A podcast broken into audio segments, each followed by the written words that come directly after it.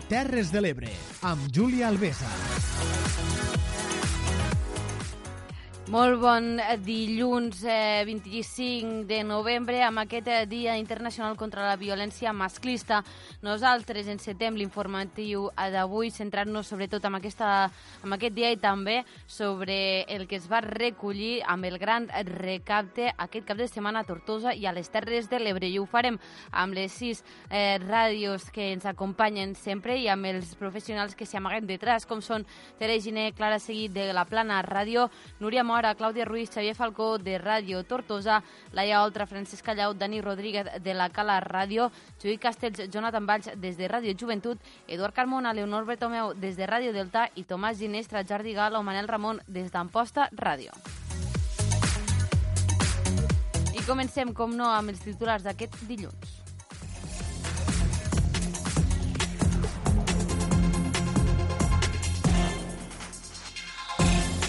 El gran recapte acull 32.578 quilos d'aliments a Tortosa i s'han superat els 90.000 quilos a les Terres de l'Ebre. El nou Palau de Justícia de Tortosa serà operatiu a partir de, del dimarts dia 3 de desembre. La consellera de Justícia, Esther Capella, l'ha inaugurat aquest dissabte. L'Ajuntament d'Amposta celebra el ple ordinari del mes de novembre amb diferents mocions. A les Terres de l'Ebre recorden amb 12 espelmes les dones mortes per violència de... a Catalunya. Deltebre recorda les 52 dones assassinades per violència de gènere. Els alumnes de l'Ametlla de Mar treballen per prevenir i detectar, detectar violència contra les dones. Els pescadors d'angula de Sant Jaume s'agrupen per millorar les condicions de compravenda de l'angula. El president de la Federació de Cooperatives Agràries inaugura la Fira de l'Oli amb un missatge clar al canal Xertasènia és el futur de la pagesia. Amposta supera els 20.300 habitants prop del rècord històric del patró de la ciutat. Un foc calcina totalment un cotxe a l'Avinguda Catalunya de la Ràpita. Els Mossos decomisen arts de pesca calats eh, legalment a la desembocadura de l'Ebre. Diumenge, Santa Bàrbara va celebrar Santa Cecília amb la incorporació de quatre clarinetistes a la banda gran. I el tradicional taller de postals de Nadal donarà el tret de sortida als Nadals a la Mella de Mar.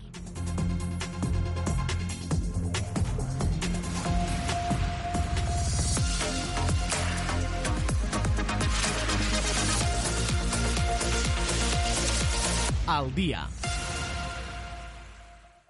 L'onzena edició del Gran Recapte ha aconseguit recollir 32.578 quilos d'aliments a Tortosa i s'han superat els 90.000 90 quilos a les Terres de l'Ebre. Així ens explica Núria Mora. Durant tot el divendres i dissabte es van habilitar una vintena de punts de recollida en diferents supermercats i comerços de la capital del Baix Ebre, on 750 persones es van sumar a l'acció com a voluntàries i 1.500 arreu del territori. A Tortosa es van superar els 32.500 quilos d'aliments recollits i a les quatre comarques de l'Ebre van ser més de 90.000 quilos.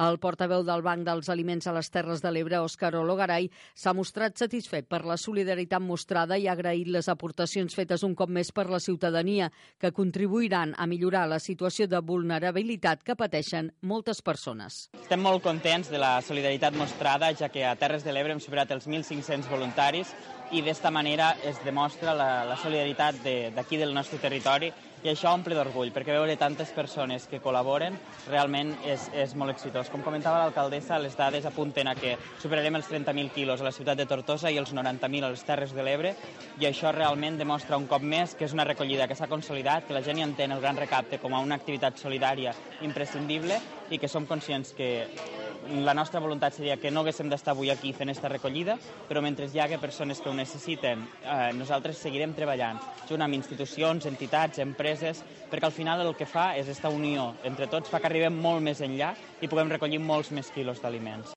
Una de les apostes del Banc d'Aliments d'enguany ha estat reforçar també la recollida als comerços de proximitat i cooperatives.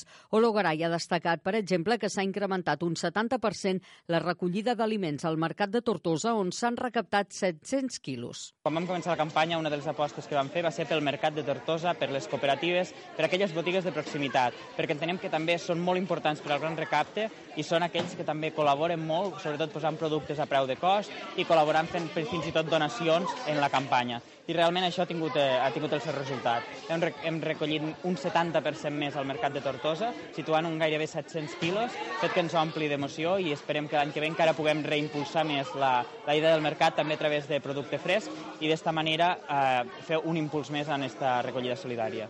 El Banc dels Aliments va repartir durant el 2018 uns 2.750.000 quilos de menjar al Camp de Tarragona i les Terres de l'Ebre, cosa que suposa uns 100 quilos anuals per persona, lluny però dels 400 que es consideren necessaris per tenir una dieta equilibrada.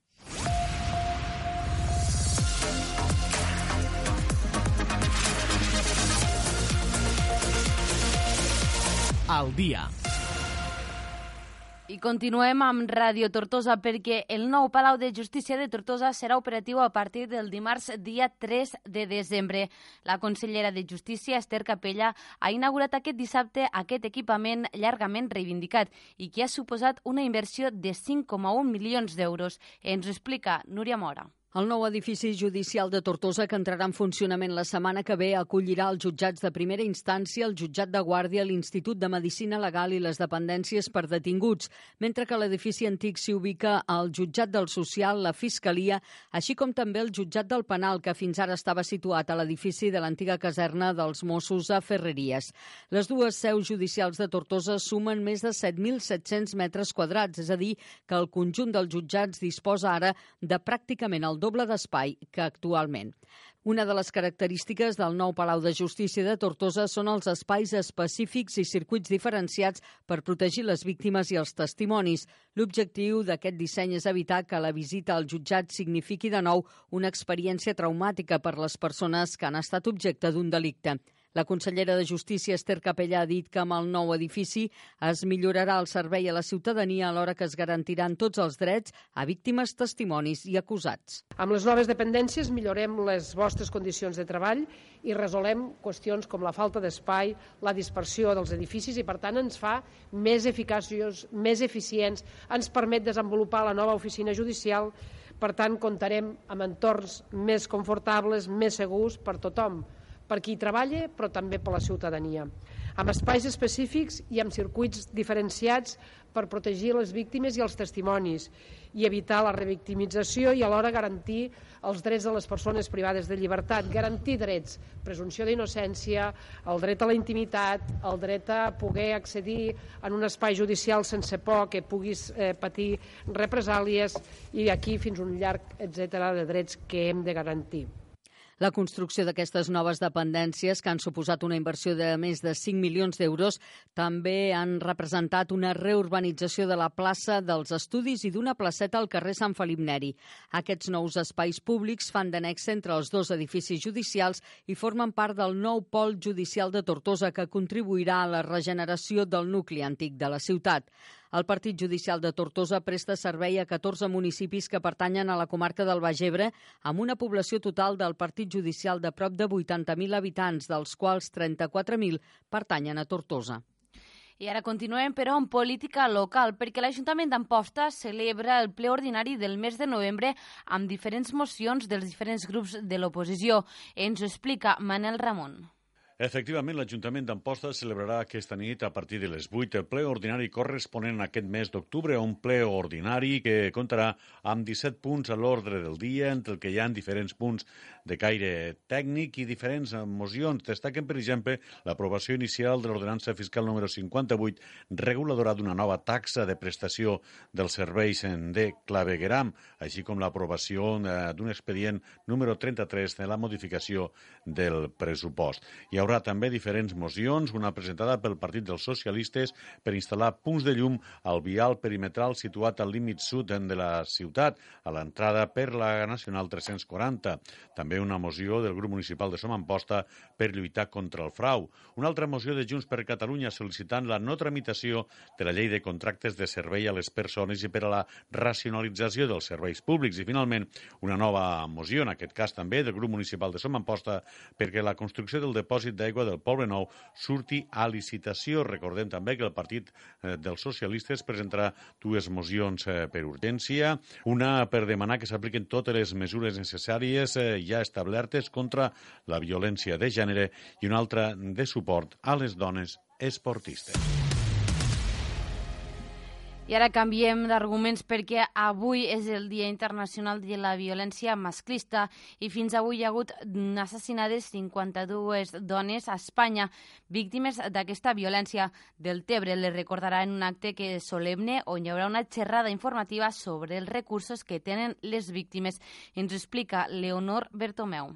Del Tebre celebra avui els actes en motiu del Dia Internacional per l'Eliminació de la Violència envers les Dones, que es commemora este 25 de novembre novembre. Els actes començaran a les set i mitja de la tarda amb una xerrada informativa a la sala Eliseo Vives de la Biblioteca sobre els recursos envers la violència masclista, a càrrec de Mònica Rius i Ruth Porres, advocades especialistes en violència de gènere. També intervindran Maripau Cid, tècnica en igualtat de gènere, i Ali Navarro, agent de la policia local de Deltebre.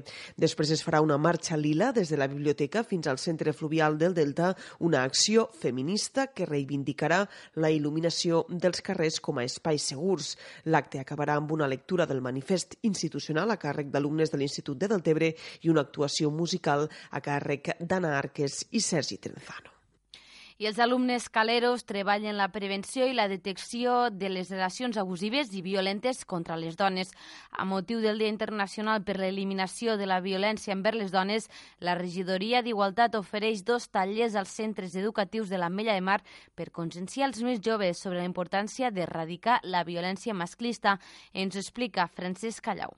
D'una banda, estudiants de primària de l'Escola Sant Jordi participaran el pròxim dijous d'un particular taller-concert didàctic titulat Homes tontos, mentides i masclistes, en el qual es mostraran situacions de discriminació, sexisme o violència contra les dones a través de cançons. D'altra banda, alumnes de l'Institut Candelera han realitzat aquest dilluns tallers pràctics de defensa en els quals s'han posat sobre la taula comportaments violents i masclistes entre la gent jove i s'han donat eines i estratègies per evitar-ho. Maite Puell és la regidora d'Igualtat de l'Ametlla de Mar. Hem atacat doncs, aquells col·lectius doncs, que creiem que ja s'han d'educar eh, des de ben joves per doncs, evitar eh, que de grans eh, pateixin o inclús de joves pateixin aquest tipus de situacions. Clar, aquí el que volem realment denunciar doncs, és la violència, eh, ni agressor ni còmplice. Eh, I demanem doncs, aturar la violència masclista que és el lema que ha engegat la campanya eh, el govern amb motiu de la commemoració del Dia Internacional. Les violències masclistes, sobretot insistim, ja ho han fet sempre des de la regidoria de serveis socials, no tan sols en públic, sinó també a porta tancada, són violències que pateixen les dones pel sol fet de ser dones. Llavors, clar, eh, remarquem també, eh, sociabilitzem que els únics responsables de les agressions masclistes són els agressors. I llavors demanem als homes i interpel·lem als homes que aturin la violència masclista i informin part de la solució. La regidoria d'Igualtat té previst realitzar més tallers sobre aquesta problemàtica al llarg del curs.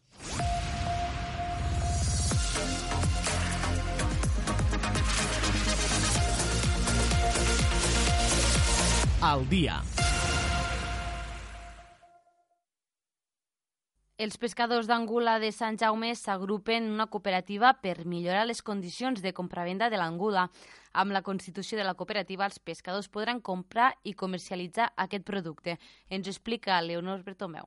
Els pescadors d'Angula de Sant Jaume d'Enveja es constituiran en cooperativa per a millorar les condicions de compra-venda de l'angula amb l'objectiu de tindre la capacitat d'incidir en el preu de compra i venda d'este preuat producte i millorar així les condicions econòmiques dels pescadors de la societat. Actualment, els pescadors d'Angula de Sant Jaume formen part d'una associació que no té ànim de lucre i, per tant, no poden realitzar cap actuació de compra-venda. Tota l'angula que es captura en els 131 punts de pesca que tenen autoritzats es porta a la llotja de Deltebre, on es fa la subhasta de l'angula Un cop arriba a subhasta, els pescadors ja no poden incidir de cap manera en el preu de compra-venda del producte, que queda en mans de majoristes, que són els que fixen el preu. Amb la constitució d'una cooperativa, els pescadors tindran capacitat de comprar l'angula i comercialitzar-la, sobretot en els moments de devaluació del preu.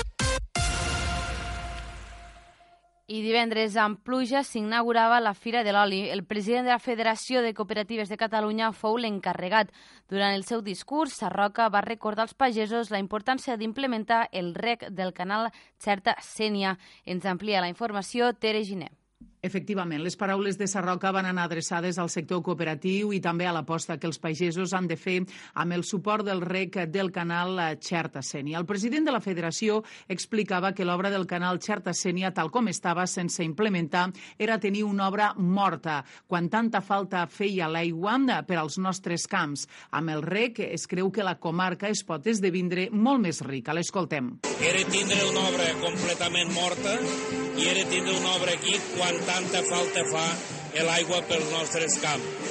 Creiem que la comarca se pot eh, esdevindre una comarca molt més rica amb el rec i per això nosaltres apostem, vam apostar el primer moment de conèixer-ho, apostarem per això i no pararem fins que veurem començar les obres. Sabeu que és per fases i anirem aglutinant la demanda i les obres a la demanda. D'altra banda, la Federació de Cooperatives Agràries de Catalunya té clar que al pagès qui l'ha de convèncer és el pagès, no l'administració. Els pagesos, el qui els ha de convèncer és un altre pagès. No l'ha de convèncer l'administració, l'ha de convèncer un altre pagès que tingui cultura de l'aigua. I amb això vam creure que nosaltres podíem donar unes orientacions i de tu a tu, parlant amb el pagès aquí baix de secar, puga-li parlar de les bondats de l'aigua. L'aigua és riquesa, l'aigua és necessària. La, el que és molt, molt, molt car és no fer res per a regar i sempre estar mirant el temps que farà per a recollir o no recollir. Finalment, el president de la Federació de Cooperatives Agràries eh, de Catalunya valorava molt positivament aquests certàmens per donar a conèixer els productes de qualitat que s'ofereixen a uns preus raonables tant per al pagès com per al consumidor. I bones notícies per a la capital de Montsià. Amposta supera els 20.300 habitants prop del rècord històric del padró de la ciutat. Tot i així, podrien haver més de 1.000 persones no empadronades a la ciutat. Ens explica Manel Ramon. La ciutat d'Amposta continua creixent en habitants, tot i que darrerament s'està produint despoblació en algunes localitats del territori.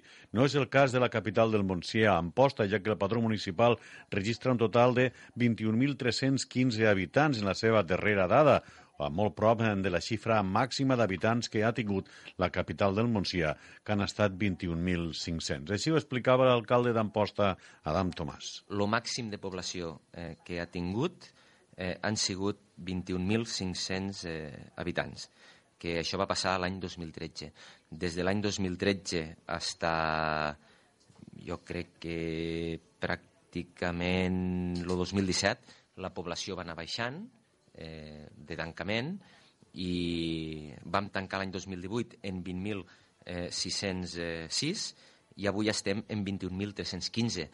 Per tant, d'estos 21.315, si se mantingués la dinàmica, que pot ser que no, eh? podríem tancar l'any eh, baixant d'estos 21.300, però pensem que estem molt a prop d'estos 21.500, que va ser el tope.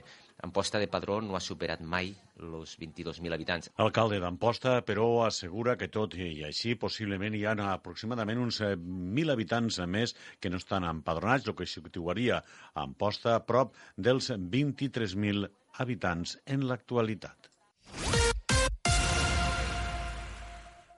Un foc ha cremat aquest diumenge totalment un vehicle a la intersecció de l'Avinguda de Catalunya amb el carrer Vinaròs de la Ràpita, ens ho explica Judit Castells. Així és, un cotxe ha quedat completament calcinat prop d'una de les principals avingudes de Sant Carles de la Ràpita aquest cap de setmana, concretament a la intersecció de l'Avinguda Catalunya i el carrer Vinaròs. L'avís el van rebre els bombers de la Generalitat a mitjanit del dissabte cap al diumenge i s'hi van haver de desplaçar dues dotacions de bombers de la Generalitat per apagar l'incendi, unes causes que encara se desconeixen i decomisen 16 arts de pesca calats de forma il·legal a la desembocadura de l'Ebre i la Ola de mig jorn. Ens ho amplia la informació Leonor Bertomeu. Els Mossos d'Esquadra van decomissar dimarts passat 16 arts de pesca calats de forma il·legal entre la zona de la desembocadura de l'Ebre i la Gola de Mitjorn. Els agents van inspeccionar la zona després de detectar arts calats en zones excloses de l'activitat pesquera i això va permetre localitzar també altres instruments que no disposaven de la identificació i senyalització obligatòria. En total es van inspeccionar 36 línies d'arts de pesca professional, principalment cadups, nances i gànguils, i se'n van intervindre 16.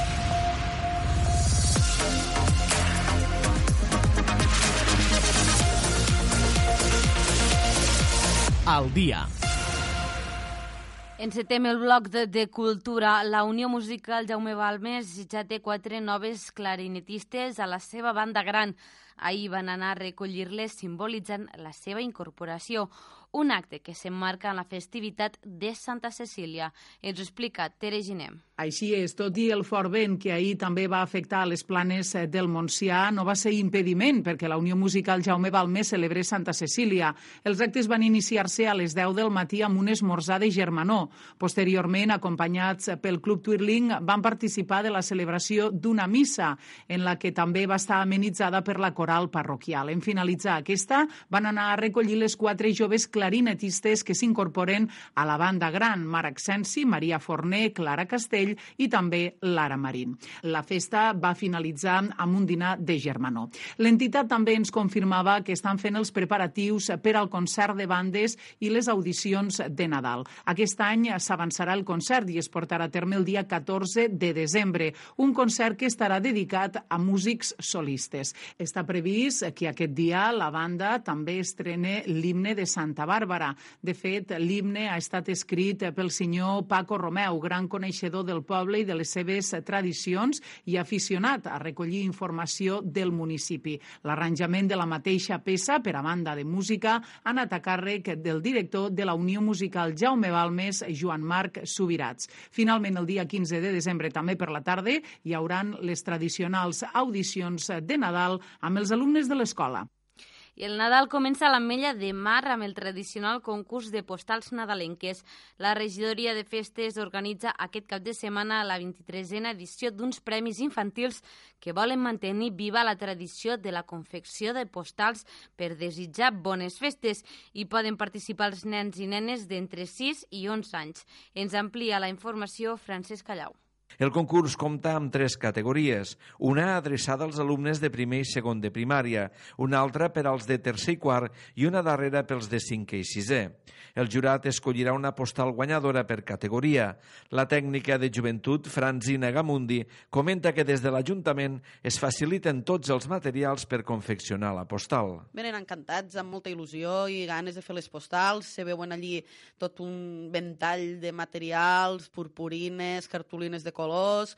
Nosaltres normalment sempre tenim cartolines de, tot, de totes mides, però sempre si veiem que van una miqueta peix, doncs els diem, mira, vine, els ajudem a doblegar bé la cartolina, doncs guai, aquí pots fer la portada, dins pots escriure o fer un altre dibuix, uh -huh. els assessorem una miqueta, però sempre eh, lliure la seva imaginació, que facin el que més, més els agradi. I sempre els hi ha fet gràcia, inclús quan acaben de presentar la, la la postal que ells decideixen que serà la del concurs, ne fan d'altres perquè els hi sobra temps per la iaia, el iaio, la mama...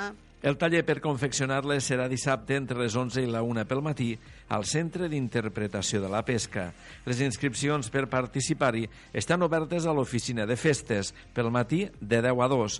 Tots els dissenys s'exposaran a partir del 10 de desembre al vestíbul de l'Ajuntament i l'entrega de premis serà el dia 24 a la tarda a la plaça Nova.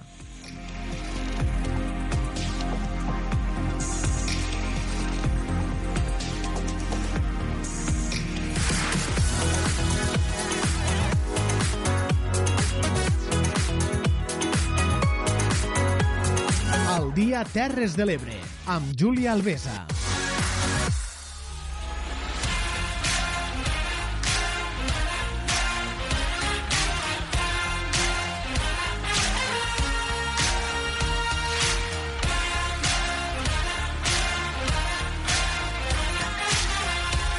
Al dia, els esports de les Terres de l'Ebre.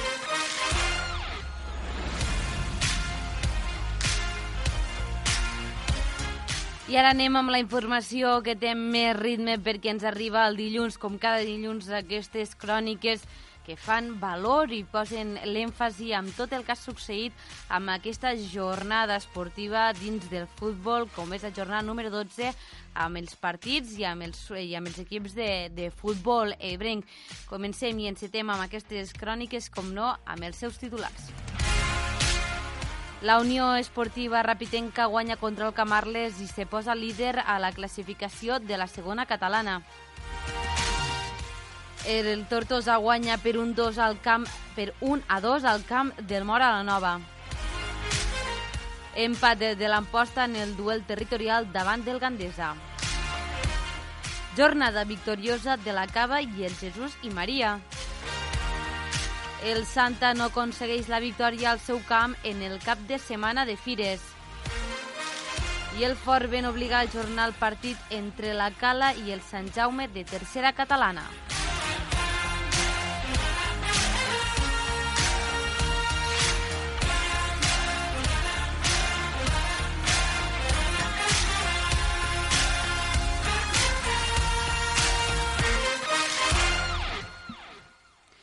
La Rapitenca guanya 3 a 0 contra el Camarles i se situa líder a la classificació de la segona catalana, amb 26 punts seguits pel la Sènia, que en porta 25. Ens explica Judit Castells. Els jugadors de la Unió Esportiva Rapitenca van començar el partit amb ganes, dominant i creant ocasions de gol, fent dos gols a la primera part que s'haguessin pogut convertir en 3 o 4. Així ens ho explica el seu entrenador Ramon Sancho que l'equip eh, va arribar molt a, a porteria contrària i després la segona part pues, bueno, feia, estàvem a contravent, el Camarles jugava molt directe i van haver més interrupcions, però tot i això quan vam tornar a agafar nosaltres el domini de la pilota i del joc vam tornar a generar alguna ocasió, de la Torre va fer un, un golasso eh, espectacular. L'equip està molt satisfet no només pel resultat amb una victòria 3 a 0 contra el Camarles, sinó també pel bon joc. L'important és la, les sensacions que va donar l'equip i i bueno, vam tornar a fer un, un bon joc després de, de la derrota la setmana passada, que tot i ja, ja vaig dir que havíem, havíem jugat molt bé. La Unió Esportiva Rapitenca amb aquests 3 punts de la victòria escala posicions i se situa primer a la taula de la segona catalana amb 26 punts, seguit pel club de futbol de la Senya que en porta 25 i el Gandesa que en té 24 amb un partit més jugat. El Tortosa es va imposar aquest dissabte a domicili al Mora la Nova per un gol a dos i s'ha situat quart a la classificació. Ens fa la crònica esportiva Núria Mora. Victòria justa d'un Tortosa que va mostrar millora en el joc i que va ser superior al conjunt de la Ribera d'Ebre. Tot i això, l'equip roig i blanc va haver de remuntar de nou un resultat advers. L'Atlètic Mora la Nova es va avançar en el marcador al minut 13 quan Agustí va aprofitar una indecisió defensiva. Abans, però, el Tortosa havia disposat de tres ocasions claríssimes per desfer l'empat a zero. No va ser, però, fins al minut 41 que Nacho va superar els defenses i la sortida del porter per establir l'1 a 1. Als 20 segons de la segona part, Nacho disposava d'una oportunitat claríssima per avançar-se en el marcador, però tot i estar sol davant porteria va estavellar la pilota al cos del porter del Mora. En la recta final del partit va arribar la recompensa la insistència atacant del conjunt roig i blanc amb el gol de Duran, que va engaltar una dura rematada després del rebuig del porter Marc a un xut de falta de Nacho. L'entrenador del Club Deportiu Tortosa, Germán Inglés, afirma que la victòria va ser molt merescuda. Una victòria molt treballada davant d'un molt bon equip, la veritat.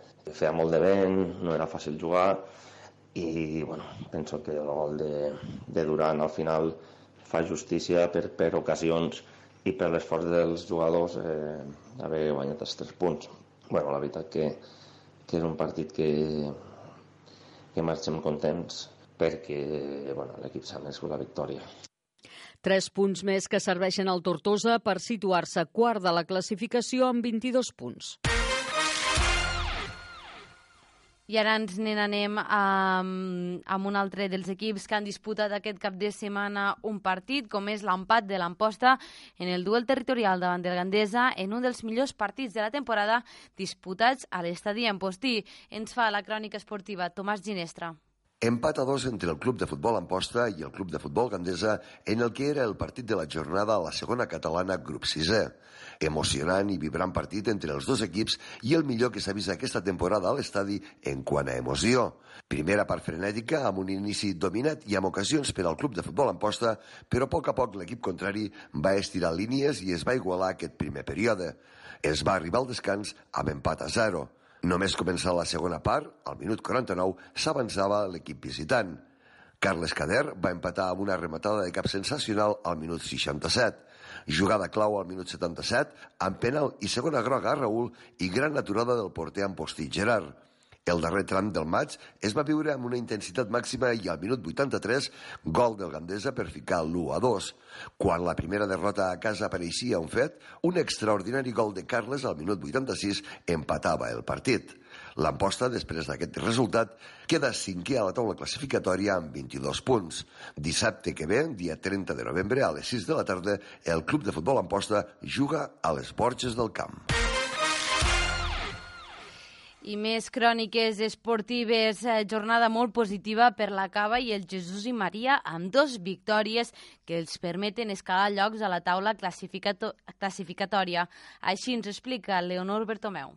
La Cava va retrobar-se amb la victòria després de quatre jornades amb un 3-4 al camp del Corbera d'Ebre.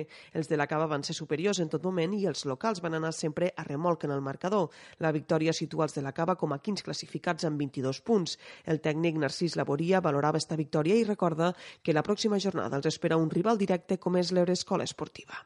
Contents fer els, pels tres punts i bueno, la setmana que ve tenim un partit complicat contra, contra l'Ebre Escola a casa i intentar anar recuperant gent que teníem bastantes baixes entre lesions, expulsats i tot, pues, bueno, eh, intentar recuperar gent i a fer el partit que, que, bueno, que, que mos toca fer perquè s'han de quedar els tres punts a casa eh, i tindre l'afició contenta. Pel que fa al Jesús i Maria, va endur-se una victòria per 0 a 2 del camp del Santa Bàrbara en un partit marcat pel fort vent que va bufar dissabte. Els partidalencs van saber aprofitar el vent a favor en la primera part i marcar el 0 a 1. A la segona meitat, tot i tindre el vent en contra, l'equip va saber col·locar-se al camp, defensar el resultat i va aprofitar una contra per marcar el 0 a 2 definitiu. Així ho valorava el tècnic David Garcia. Al final eh, vam emportar els tres punts i content de que l'equip ha sapigut llegir el, el partit, ha sapigut jugar en ben a favor i en contra i, i content pel desgast que ha fet en defensa i, i, i bueno, eh, pels tres punts a un camp, a un camp molt complicat de, de puntuar. A la quarta catalana, el filial de la Cava va perdre 0 a 2 a camp de l'Alcanar. En comptes del Santa amb la contracrònica, el Santa Bàrbara perdia a casa davant del Jesús i Maria per 0 a 2 en el cap de setmana de la Fira de l'Oli. Així ens explica Clara Seguí. El partit de futbol de tercera catalana corresponent a la dotzena jornada del campionat de Lliga entre el primer equip de la Societat Cultural Esportiva i Recreativa de la Mella de Mar i el Sant Jaume d'Enveja es va haver d'ajornar dissabte passat a causa del fort vent que bufava a l'hora del partit. Per acord dels dos equips, l'encontre es jugarà el dimecres dia 4 de desembre a les 8 i mitja del vespre. L'ajornament del partit també va obligar a posposar l'homenatge a l'exjugador Olegario Vila, que es trasllada jornada el dia 14 de desembre, coincidint amb el partit que la Cala jugarà a casa davant de l'Arnes. Per altra banda, en quant a l'actualitat de l'equip calero, la Junta Directiva ha donat la baixa en els darrers dies i de mutu acord al jugador Lluís Castelló. Aquest, eh, gràcies, Francesc Llau, per apropar-nos a aquesta, a aquesta crònica no? on el gran fort vent que fa la Mella de Mar dissabte a tarda va obligar a ajornar el partit de futbol de tercera catalana entre la Cala i el Sant Jaume d'Enveja. També va quedar posposat l'homenatge a l'exjugador Olegairo Vila. I nosaltres ara ens anem a fer el repàs d'aquests resultats d'aquesta jornada número 12. Primera catalana, grup 2, jornada 12, al Macelles, Muntanyesa, empat 1 a 1. Vista Alegre 1, 2 al Carràs, el Catllà 4, Sant Ildefons 0, Martorell 2, Gavà 0, Campidalet 2, Escó 0, Sant Boia 2, Martinenc 2, Valls 1, Tàrrega 0, Vilanova Geltrú 3, Viladecans 1, Mollerussa 2, Atlètic Satjús 2. I canviem ara. A segona catalana, grup 6, jornada 12. Mola Nova 1, Tortosa 2, eh, Montblanc, la Sènia va quedar suspès. Canonja 1, Llecona 3, Ràdio Barà 0, Bonavista 0, Cambrils, Uniós, eh, Riudoms va quedar suspès, Rapitenca 3, Camarles 0, Perelló, les Borges del Camp també va quedar suspès, Ampolla 3, Pobla de Mafumet 1 i Amposta i Gandesa empat 2 a 2. Tercera catalana, grup 1, jornada 12, Jesús Catalònia, Roquetenc, ha quedat suspès, Ebre Escola 4, Arnes 2, Santa Bàrbara 0, Josep Maria 2, Aldeana 2, 0 Flix, Godall 3, Remolins Vitem 2, Olímpic Mora d'Ebre 4, Amposta 1, Batea 3, Rapitenca 9 i Corbera d'Ebre 3, la Cava 4 i l'Ametlla de Mar. Sant Jaume d'Enveja també va quedar suspès. La quarta catalana, grup 20, eh, Tivenys eh, descansava, Remolins Vitem B5, Olímpic Mora d'Ebre B2, Gandesa 1, Pinell 3, Certa 3, Just Catalònia 1, Benissanet eh, 7, Batemberge 0, Ginesta 3, Ebre Escola 1 i Alcana 2, eh, la Cava 0. Aquests són els resultats de la quarta catalana, grup 20, jornada 10.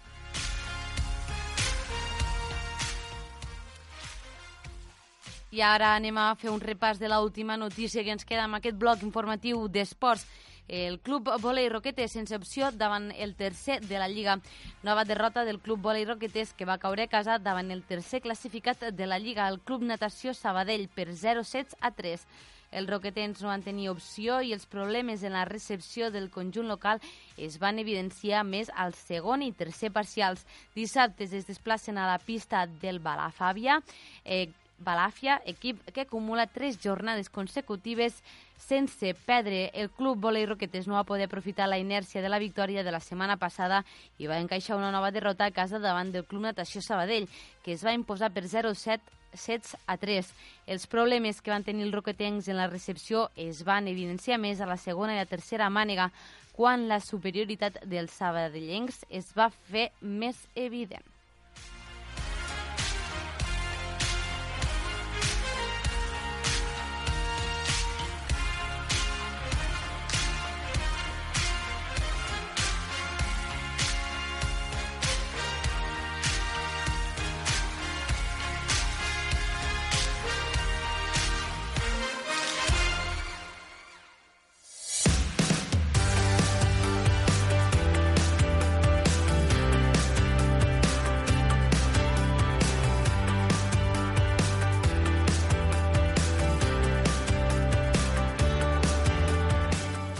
Nosaltres eh, continuem ara amb el Dia Internacional de l'Eliminació de la Violència en contra de les dones i ho fem que amb aquest matí ens hem aixecat amb una mala notícia, ja que aquesta matinada ha mort eh, la, una altra dona en mans de la seva parella, una dona de 26 anys, en la seva parella que en tenia 29 a la Gran Canària. Amb aquesta ja en són 52 les dones víctimes de violència de gènere i avui, dia 25, no s'ha escapat d'aquesta lacra eh, social. Nosaltres, per anar això, i en un dels municipis que encadena i encapçala el moviment de l'empoderament de la dona de les Terres de l'Ebre, com és del Tebre, parlem amb la seva regidora de Foment Cultural, Igualtat i Gènere, Anna Jiménez. Molt bon dia, Anna. Hola, molt bon dia a tothom. Com ja hem avançat, eh, del Tebre és, una, és un dels pocs ajuntaments que s'abandera no, dins de la lluita de la violència de masclista i, a més a més, eh, té un paper bastant fonamental eh, amb la que ve ser l'empoderament de la dona. Bé, de fet, és la nostra obligació com a entitat pública, no? com a un organisme públic, que part, diguéssim, del nostre esforç vagi, vagi encarat a nostra xacra, vull dir, brutal, eh, que tothom denunciem cada dia, però sí que és veritat que des d'aquí pues, estem treballant dia rere dia, eh, sobretot en temes de conscienciació i formació ja des dels llocs que és on toca, que és uh, a les escoles. No? Este és el nostre propòsit d'aquests pròxims mesos per a eh, ajudar a minimitzar eh, aquesta xacra, aquesta gran desgràcia que tenim present a, a, a tota la nostra societat actualment. Eh, de fet, eh, ara s'està ja acabant d'ultimar no, els últims detalls d'aquesta plaça que teniu al davant del poble, una de les entrades del municipi, on s'homenatja a les dones de Deltebre i que tindrà d'aquí poc una escultura única eh, també que, que estarà al capdavant no, d'aquesta plaça.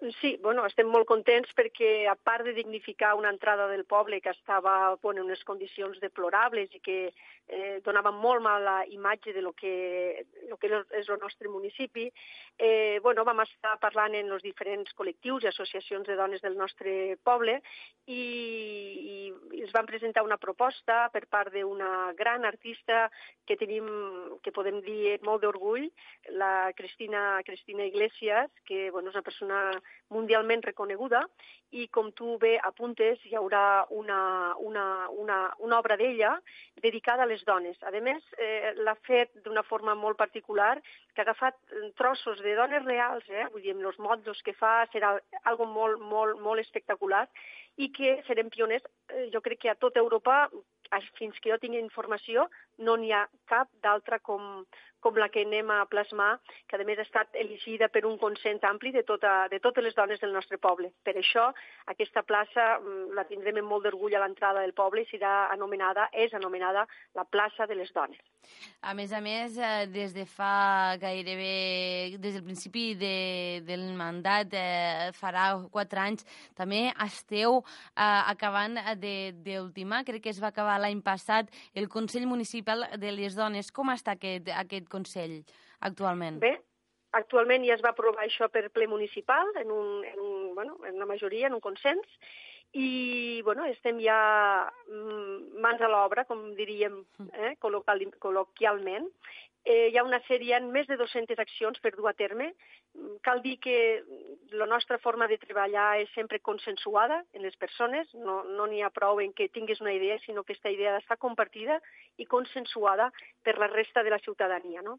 En aquest cas, eh, vam preparar, hem fet este Consell de Dones on hi ha representació de, tot, de totes les sensibilitats, de totes les formes de pensar i eh, les quals aporten, aquestes persones aporten pues, la, el seu criteri. No? Tenim 200 accions, molts de les quals ja estan fetes, però que sí, aquest any ja tenim programat, eh, que cal dir que també hem tingut un augment substancial en el que és el pressupost i dotació econòmica per a, per a les accions en qual a, a la igualtat i gènere. I començarem ja a implementar totes aquestes accions que les dones del nostre poble creuen prioritàries i tal com us hi vam comprometre com a govern municipal, aquesta és la nostra tasca, és a dir, estar al servei de les persones en, en les seves demandes. Anna, explica'ns una mica o fer-nos una pinzelladeta d'aquestes accions que engloba el Consell. De, en quines direccions van, eh, si més no? Bueno, eh, sobretot van, són eixos, diferents eixos, mm. però sobretot és, eh, jo crec que la, el denominador comú de, tot, de tots ells és eh, la visibilització del paper de la dona. Llavors, això, doncs, eh, parlem de llenguatge, parlem de noms de carrers, parlem de, de l'establiment de la dona dins de l'empresa, dins de l'administració, i llavors, a banda d'això, també eh, és, eh, d'alguna forma, temes de formació, sobretot temes de formació, i també com no, eh, eh, hi ha temes que no són, són més lúdics, per exemple, eh, una, accions que han a fer, doncs, bueno, propostes que, les, que faiguen sortir a les dones de casa, no? sigui per a, per a fer un, un cinefòrum mensual o mm, bastantes altres opcions que hi ha ja al calendari i que elles, les pròximes setmanes, ja, ja, ja m'he emplaçat una reunió, per a que elles decidisquen aquest any 2019 quins fets mm, farem. De totes formes, també anirem informant a la ciutadania de totes aquestes accions que per este consens anirem, anirem fent. Eh, de moment portem amb el que va d'any a l'estat espanyol 51 dones assassinades. Sí. Eh, és una xifra que està preocupant moltíssim i avui a Deltebre hi ha un acte eh, en motiu del Dia Internacional per l'Eliminació de la Violència de Gènere que es donarà aquesta tarda a dos quarts de vuit, a les set i mitja, a l'espai polivalent Eliseo Vives de la Biblioteca del Dat de l'Ebre, no? per eh, recordar aquestes dones. Sí, eh, clama al cel eh, esta xacra que tenim d'assassinats mm, quasi bé dia rere dia eh, de violència i que nosaltres des d'aquí el que volem fer una vegada més, com fan moltes, molts d'organismes i moltíssimes persones, és denunciar, denunciar esta, esta violència no? contra les dones. Eh, nosaltres el que farem esta tarda, bàsicament, és, sobretot és un acte de molt de respecte, de respecte, un acte sobri, i però a la vegada volem que sigui un acte útil. Útil perquè, eh, malauradament, moltes persones estan, estan patint esta, este drama en car pròpia i moltes vegades aquestes persones per motius de, de, de temor o per motius de, de vergonya, que també es dona el cas, no s'atreveixen ni a, ni a transmetre-ho ni a denunciar-ho. Nosaltres, en aquest cas, aquesta tarda, com tu bé deies, tindrem una, una xerrada informativa sobre els recursos contra la violència masclista. Tindrem la intervenció de Mònica, Ruth, ai, Mònica Rius perdó, i Ruth Porres, que són unes advocades especialistes en violència de gènere, que treballen aquí a la nostra població i que han tingut la generositat d'acompanyar-nos aquesta tarda per a, per a estar al costat de les persones, per explicar què pot fer una dona quan se troba en un cas com este, a nivell pràctic. També tindrem a Maripau Cid, que és una persona que ens ha ajudat a, a implantar els punts lila aquest any en temes de formació i ha estat un gran suport també, que és una tècnica d'igualtat de gènere. I també em plau molt mm, presentar a, a Eli Navarro, que és una agent de la, de la policia local de Deltebre, que també, com la resta de dones, s'ha prestat eh, de forma voluntària i altruista per, a, per estar al costat de, de les persones que ho necessiten, com dic abans. Eh, en un cas que una dona estigui patint o algú conegue alguna dona que està patint, mm, de primera veu podrà escoltar aquestes persones que, se, que el seu dia a dia mm, transcorreix, malauradament dic, en aquests temes. Llavors, mm, penso que, a part de, de, de denunciar-ho, hem de ficar a l'abast de les persones que ho necessiten perquè se sentin emparades, perquè sàpiguen que no estan soles, eh, en aquests professionals d'aquest àmbit, perquè puguen, a part de que hi ha altres organismes, altres entitats que, que també donen suport al Consell Comarcal, al CIAT, etc, però que sàpiga tothom, si algú ara m'està escoltant i està patint este, este, este drama a casa seva, en les seues pròpies cars, mm, transmetre-li que no està tot sola, que hi ha persones, estem persones que podem ajudar-li a sortir-se'n. Sí, I poden trucar també a, i també volem. poden trucar a, lo, a la línia, és que ara que has dit això ja recordem també la línia d'atenció sí. contra la violència masclista és el 900 900 120 una Correcte. línia oberta que no deixa, no, no deixa rastre. Al, a Deltebre sí. la violència de gènere és un greu problema o de moment eh, heu, heu és un tema bastant subsanat, o sigui que es, se va regulant molt poquet a poquet. A veure, jo crec que si hi ha un cas, ja és suficient per a pensar sí. que no anem bé. Eh, com te deia abans, eh, no, no podem quantificar perquè moltes vegades això se, se pateix en silenci. Mm en, silen en, lo, en lo més silenci per aquestes dues raons que abans apuntàvem, per temor i per vergonya, per aquestes dos, per aquestes dos causes. Moltes vegades no, esta dona no, no denuncia aquest cas. Mm. Llavors, eh, és això, vull dir, eh, hem de ficar els mitjans necessaris professionals i també una de, un dels propòsits nostre d'aquest any és estar a les escoles, a prop d'elles. Sé que instituts i escoles ja fan la seva tasca que és importantíssima, de formació i sensibilització en aquest tema, però nosaltres també com a Ajuntament ja els hi vam plasmar als directors de les escoles que volem estar al seu costat i farem el necessari perquè en temes de conscienciació i formació també puguen comptar amb nosaltres. Moltes gràcies, Anna, per estar aquí amb nosaltres, regidora de Foment Cultura Igualtat i Gènere, Anna Jiménez. Moltes gràcies. Recordem aquesta tarda a les set i mitja acte del Dia Internacional per l'Eliminació de la Violència envers les Dones a la Biblioteca del Delta de l'Ebre. Moltes gràcies i fins la pròxima. Moltíssimes gràcies.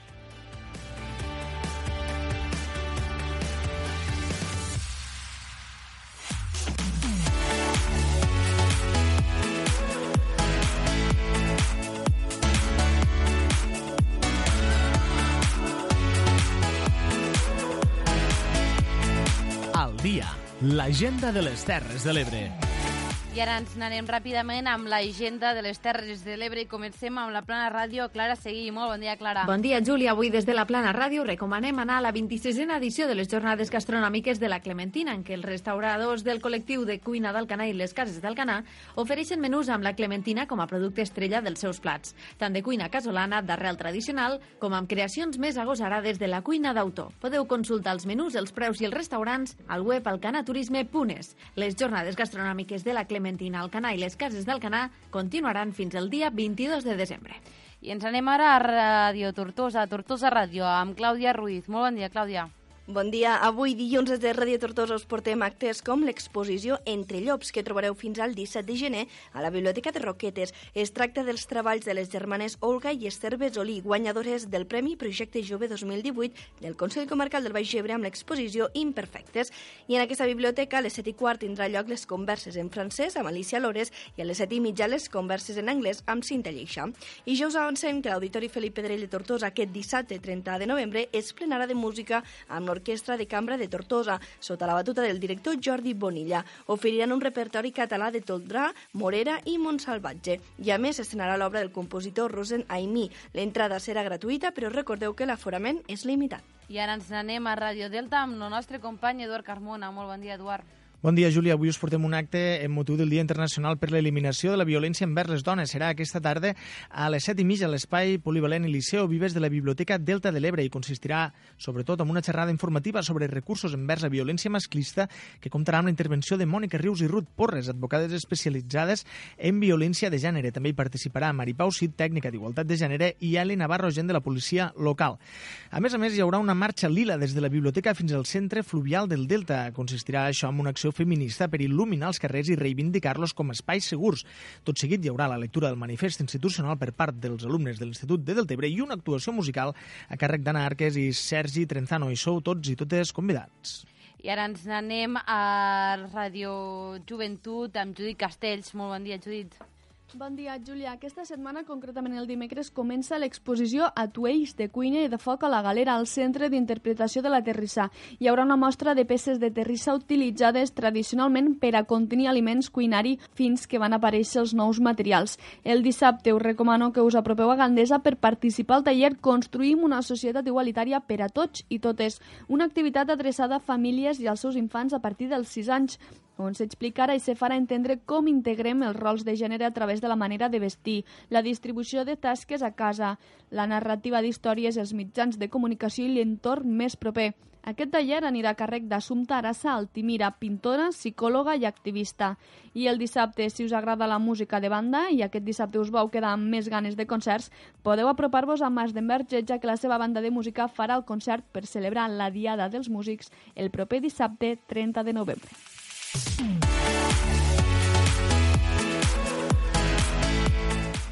Moltes gràcies, la Plana Ràdio, Ràdio Tortosa, Ràdio Joventut i Ràdio Delta per aquestes eh, informacions i sobretot per fer-nos aquesta agenda i fer-nos una mica més difícil triar quina activitat voldrem escollir. Nosaltres ens anem ara amb un tema musical i tornem després de la xarxa del butlletí de notícies La Xarxa amb més propostes eh, amb la segona hora del dia Terres de l'Ebre.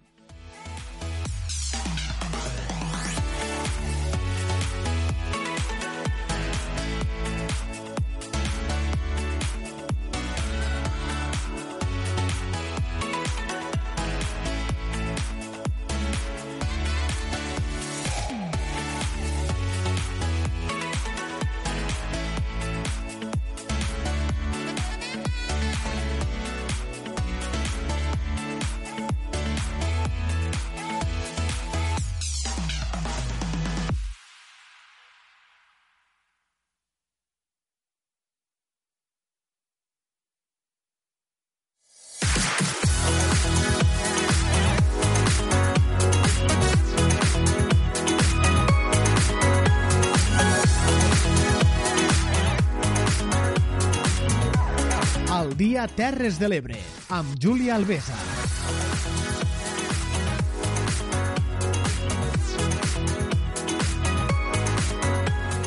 Tornem aquí al Dia Terres de l'Ebre amb aquesta segona hora que ens portarà tantes notícies i tantes seccions com és conèixer la situació del peix blau al sector pesquer de l'arrossegament o, per exemple, des del sector esportiu de les Terres de l'Ebre coneixerem també el del Tebrenc Rafa Flores i ho farem tot acompanyant-nos de les sis emissores que ens acompanyen com cada dia amb els seus professionals al darrere. Tere Giné, Clara Seguí de la Plana Ràdio, Núria Mora, Clàudia Ruiz, Xavier Falcó des de Ràdio Tortosa, Laia Oltra, Francesc Callau, Daniel Rodríguez des de la Cala Ràdio, Juli Castells, Jonathan Valls des de Ràdio Joventut, Eduard Carmona, Leonor Bertomeu des de Ràdio Delta i Tomàs Ginestra, Jordi Galo, Manel Ramon des d'Amposta Ràdio. Però abans de començar amb totes aquestes seccions tan diverses que ens porten l'actualitat de les Terres de l'Ebre, eh, sabrem el que ha passat tal dia com avui amb Maria Barberà.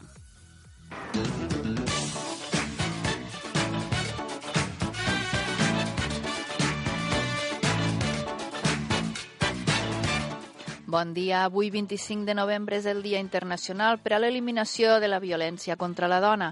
Aquesta data va ser triada per honorar la memòria de les germanes Mirabal, tres activistes polítiques de la República Dominicana que van ser assassinades al 1960 per ordre del governant dominicà Rafael Trujillo. Seguim amb les efemèrides del dia.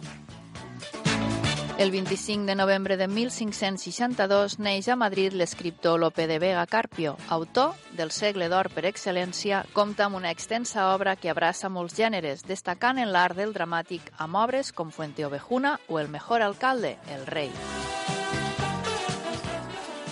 Al 1915, a Berlín, un 25 de novembre, el físic Albert Einstein presenta davant l'Acadèmia Prussiana de les Ciències la seva teoria de la relativitat general.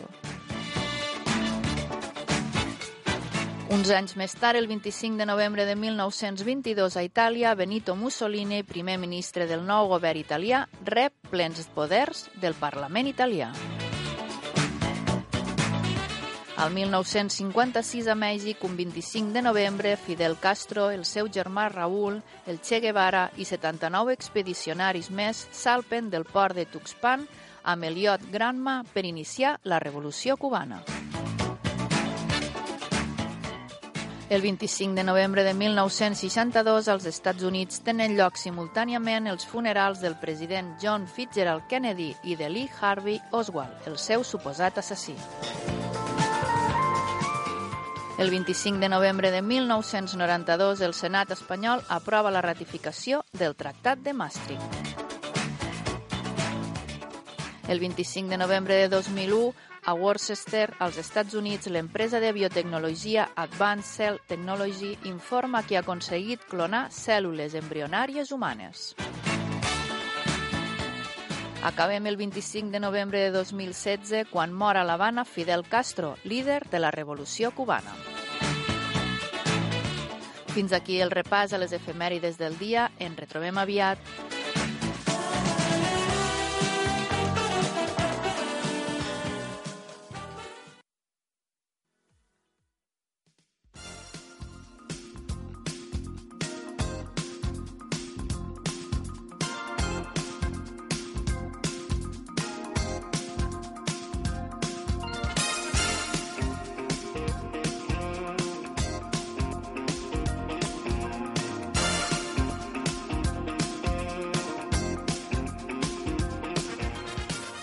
Avui a de poble en poble ens n'anem a Ràdio Delta perquè el nostre company Eduard Carmona ha xerrat amb el deltebrenc Rafa Flores, tècnic de la selecció espanyola de curses de muntanya que recentment s'ha proclamat campiona del món amb aquesta modalitat.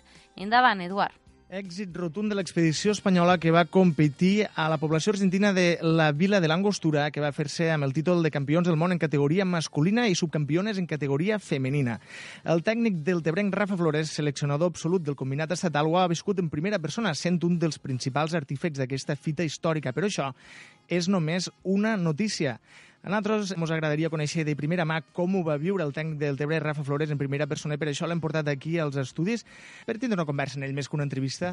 Bon dia, Rafa, i benvingut. Bon dia. Primer que res, podríem fer un repàs al teu currículum. Rafa, diplomat en Magisteri d'Educació Primària, tu ets mestre, especialista en Educació Física, postgrau en Direcció de Centres Educatius per la Universitat Ramon Llull, Màster en bases biològiques i assessorament nutricional esportiu personalitzat per la Universitat Miguel Hernández de Elche. Això pel que fa al currículum acadèmic hi ha més cosa, però ho deixem aquí. Però és que, a més a més, tens un extens currículum en triomfs esportius, també. Bueno, algo, algo. La qüestió, al final, eh, quan se pica pedra, alguna cosa té, té que sortir al final, no? No és qüestió de l'azar, sinó que al final jo crec que eh, les fites sempre tienen un camí. I este camí no és fàcil, però si no comences algun dia a este camí o a, o a començar a picar pedra no, no podràs aspirar mai a alguna cosa. Com diem, lo, estos estudis estan vinculats en el magisteri i en l'activitat esportiva. Això vol dir que, que la teua orientació acadèmica va cap aquí, però suposo que és fruit d'una passió personal per a l'esport. Sí, bueno, és tot passió personal per l'esport. A part d'això, pues, també vaig treure el títol d'entrenador nacional d'atletisme, el títol d'entrenador nacional de natació, i sí, des de ben jove, pues, bueno, l'esport ha sigut, no et puc dir eh, el meu hobby, sinó que ha sigut pràcticament la meva vida. Què va vindre primer, la vocació per practicar l'esport o la, la vocació per ensenyar a practicar l'esport? I jo crec que anava bastant lligat de la mà, no? però primer va ser la pràctica esportiva i després automàticament ja va ser com podia transmetre això als jovens, eh, esta passió que jo tenia pel tema de l'esport, com podia transmetre-ho als jovens i, i bueno, esta era una miqueta la, la filosofia, no? Recordo que tu, per exemple, vas formar part d'un grup d'atletisme que vam muntar per anar a competir fa molts anys ja eh, en competicions escolars. En fi, uh, passem, passem pàgina d'aquest tema. Uh, a pesar, a pesar d'haver tingut, uh, com ho diríem, deixebles que no han seguit l'activitat esportiva, sí que n'has tingut que han arribat molt lluny i en aquest cas podem parlar del recent èxit en, en curses de muntanya. No? Com una persona nascuda al Delta, que és la terra més plana del món, s'interessa o, o creu que pot aportar alguna cosa a, a les curses de muntanya? Bueno, jo vinc del món de l'atletisme, eh, vaig estar durant eh, 8 anys al Club Atletisme Terres de l'Ebre, quan també era Club Natació Tortosa, uh -huh. i 6 anys al Club Atletisme Escó Ribera d'Ebre. Llavors arriba un punt que, bueno, que els atletes ja marxen a estudiar fora, que la teva motivació comença a, a minvar, i, i ara el moment de dir, bueno, pues, deixo ja el món de l'entrenament i me dedico a, a una altra cosa, no? Però abans d'acabar aquella última temporada apareix una, una atleta que es diu Ragna de Bats i me comenta si la podia entrenar per a curses de muntanya per a mi era un món totalment desconegut, nou, i per tant, doncs, bueno, era com una motivació d'intentar fer allò sobre lo desconegut, no? Sobre lo desconegut i a la vegada sobre el conegut, perquè al fi i al cap les bases d'entrenament continuen sent les mateixes, però eh, el medi era diferent. Comencem a entrenar en Ragnar, veig que m'ha començat a agradar el tema de les curses de muntanya, veig que és una cosa diferent o totalment diferent allò que havia vist en atletisme, és més obert, és més lliure, no tens la pressió constant d'estar sempre damunt de, dels corredors, tot i que ho estàs igual, però bueno. I a partir d'aquí neix aquesta passió bueno, per les curses de muntanya, no? Veus que van sortint resultats, que poquet a poquet veus que hi ha competicions, que poden arribar a veure competicions internacionals, i inclús, cas curiós, jo sóc del Delta de l'Ebre, no, moltes muntanyes no és que en tinguéssim, no. però és que inclús Ragna és holandesa, i com sabeu, pues, a Holanda tampoc moltes muntanyes no hi ha. I precisament el 2018 a Castelló vaig proclamar campiona del món de curses de muntanya, no? Estar en un viatge a Amsterdam pensava des de l'habitació de l'hotel dia com és possible que jo sigui del Delta, ella sigui de, de Holanda, de Amsterdam i haguéssim sigut campions del món de curses de muntanya quan no hi ha cap muntanya. Jo crec que això té molt a veure en la capacitat de cadascú d'anar més enllà i d'aprendre, no? I les ganes d'aprendre. Per exemple, tu vens mm, del triatló, podríem dir, tu has sigut campió de triatló, campió nacional, i subcampió del món júnior. El triatló, com tothom sap, és una disciplina que implica tres... Tres disciplines, tres disciplines. que és la natació, la bici i la carrera peu. Podries dir que cada una d'aquestes disciplines en solitari té milers de, o centenars d'expressions de, i una persona que s'interessa per un esport que és tan variable, que depèn tant de les condicions eh, de l'aigua, de la terra, de la bici, etc vol aprendre alguna cosa més. En aquest cas, la cursa de muntanya va molt més enllà de la cursa que fas en una triatló, que és, que és eh, a peu pla, diguéssim, que és pla.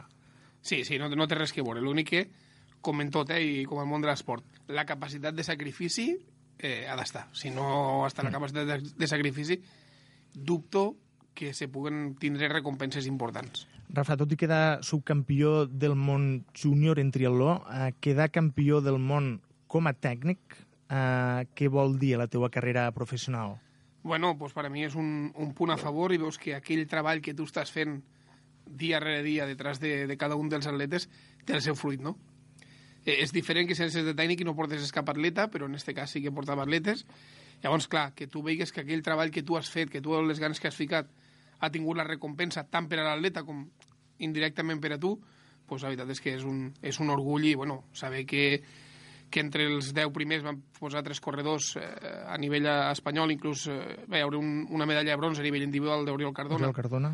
i el cinquè lloc d'Andreu Simón, el setè d'Antonio Martínez, pues la veritat és que va ser un èxit eh, inclús per davant dels americans, que eren els autèntics favorits, i, i per davant de, dels italians, pues, ningú, també t'he de dir que la tensió era màxima perquè havien fet una selecció que ningú confiava en aquesta selecció, o molt poca gent confiava en aquesta selecció, però bueno, la, la sorpresa va, Argentina va saltar. Aquí, aquí t'he de fer una pregunta. Ningú confiava en aquesta selecció perquè potser els últims resultats que tenien, els resultats que tenien comparat amb els resultats dels altres països, estaven a molta distància, però hi ha un punt clau, eh, els que et coneixen com a persona eh, sabem que saps traure el millor de la gent, les millors característiques i el millor moment, eh, sobretot a nivell esportiu. No? Això va pesar més que la part eh, purament eh, física? I tant. Va pesar perquè, bueno, tu quan, quan portes la continuïtat d'uns corredors o quan seguissis uns corredors, saps més o menys quina és la seva època més forta, la seva època més fluixa, i en este cas, bueno, eh, teníem corredors que sabíem que donarien lo callo, el que passa que també moltes vegades pesen els noms de diferents corredors que puguen haver allí, no? I això és com al futbol. Al final el partit s'ha de jugar i si per molts jugadors d'èlit que hi haguen, si aquell partit lo perds, lo perds. I el mm -hmm. resultat és totalment desfavorable. Uh, sempre pensem que a vegades quan la cosa a priori ha estat tan desigual pot ser que els altres hagin tingut un mal dia, no? pot ser que els favorits aquell dia pel que sigui hagin passat una mala nit o porten dies arrossegant una lesió, o etc etc. No és el cas. Eh, no, perquè al fi al cap puntuen tres corredors, és a dir, que li passe a un hmm. pot passar, però com que vas en un equip de 5 i puntuen els tres millors, clar, tu agarres, intentes agafar cinc corredors molt bons per si acas un te falla, no? I aquí corre 42 quilòmetres no, no és cosa de la, de la casualitat o de l'azar, saps? No és...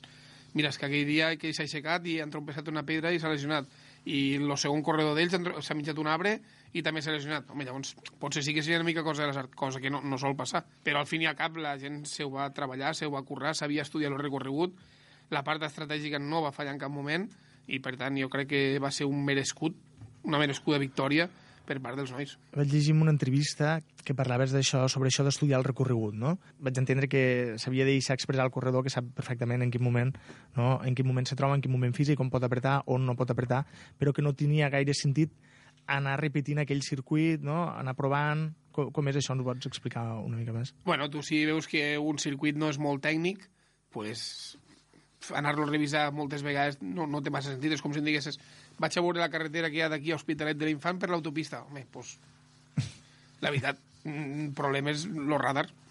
No pots trobar cap més.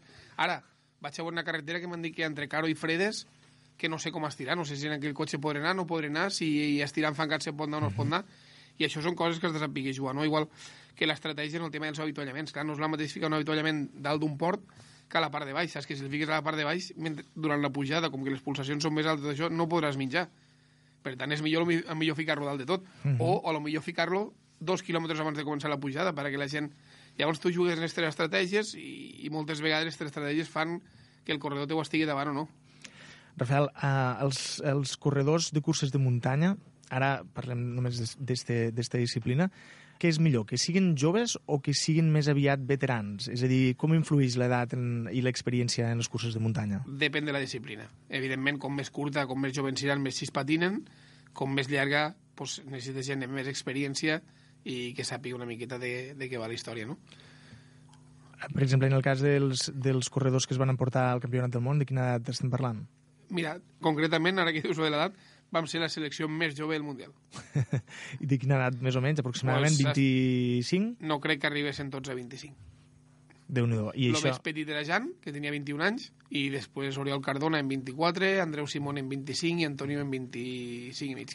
Quin és l'avantatge d'això? Que tens selecció per a 3 o 4 anys com a mínim. Aquí et volia, volia arribar. 3 o 4 anys com a mínim en plena, en plena potència no? de les seves habilitats i després una vegada, diguéssim, hi ha generacions més joves que poden arribar a plantar cara, estos corredors a quina disciplina es mouen? Ara mateix, estos corredors entre 25 i 26, com a màxim, jo crec que la disciplina bona és la marató, com a màxim. A partir d'aquí, quan guanyen més experiència, doncs ja podem passar a l'ultra, que és entre 60 i 80 quilòmetres. Les ultratrails, estic pensant en corredores com ara Núria Piques, no? o com ara justament el Kilian Jornet, no són joves. Kilian, Kilian no és vell. Sí. El que passa que es passa com Marc Márquez i aquesta gent que fa 40.000 anys que els veus i dius, pues si només tenen 30 anys. Clar, 30 anys, uh, fins fa uns anys, 30 anys, eren, eres adult, ja eres un adult competint que dius, hosti, potser que vagis pensant en la jubilació. En canvi, en esports com, com això, com un ultra trail, sembla que, que sí Hasta que l'edat... Hasta els 40 anys tranquil·lament pots córrer l'ultratrail. Inclús te diria que fa dos anys l'ultratrail del Mont Blanc, que és la més prestigiosa que hi ha actualment, la va guanyar un de 41, o sigui que... O sigui, podem dir que pel que fa a corredors catalans i de la selecció espanyola, segurament veurem èxits en diferents disciplines durant molts anys. Ara mateix és el nucli fort del, del trail running, jo diria que està europeu. Mundial hauríem de parlar, però vull dir, a nivell europeu i a nivell espanyol, els catalans, en, sense cap mena de dubte. Hasta, hasta quin punt és mèrit teu, això, Rafael? Hasta quin punt és mèrit? No, jo sempre penso que al final, eh, més, més que mèrit, és que aquell treball és el reflex de la teva feina. O sigui, si no hi hagués aquell treball, no hi hauria res. És com aquell arquitecte, com pot ser que això sigui tan bonic? Bueno, pues, perquè hi ha un treball detrás, no? Com pot ser que un jugador arribi a primera divisió? Pues perquè detrás ha d'haver un treball sí o sí. També és veritat que hi ha un condicionant de sort, que no et pugues lesionar, que pugues no sé què, però jo en la sort, en la sort com a tal no crec. O sigui, jo crec que la sort s'ha de buscar. De cara al futur, on te veus d'aquí 5-6 anys? Bueno, ara passet a passet. Ara marxem el dia 5 de desembre a La Palma, una concentració a Canàries. Després ja, ja entro com a responsable del Centre d'Alt Rendiment de Sant Cugat del Vallès al nucli de curses de muntanya. I a partir d'aquí, pues, bueno, eh, el juliol a preparar l'Europeu de Portugal, al novembre preparar una altra vegada el Mundial d'Aria, i ara que sí que comencem ja començant a treballar les categories menors, que per a mi és, és, és superimportant, eh, consolidar una base, perquè si ara diem que estos corredors en jovens, l'altre avantatge que tenim és que per detrás mos puja gent amb molta qualitat, també molt jove, no? i això ho has de saber cuidar. Jo penso que la base és la clau, bueno, la base és la clau de l'èxit, és que no hi ha més. Hi ha molta escola i molta afició ara pels esports de, de muntanya, cosa que abans no, no hi havia, no? Era bastant desconegut i ara... Bueno, era bastant desconegut aquí, eh? perquè altres països la veritat és Mm. que ja fa França, Itàlia, ja fa... Suposo que també per la seva orografia, pel tema dels, dels Apenins i pel tema dels, dels Pirineus francesos i que ells eh, a nivell de federació ho tenen molt clar com han de treballar. Eh, ja fa molts anys que estan treballant. Nosaltres arribem ara, però penso que hem arribat xafant fort.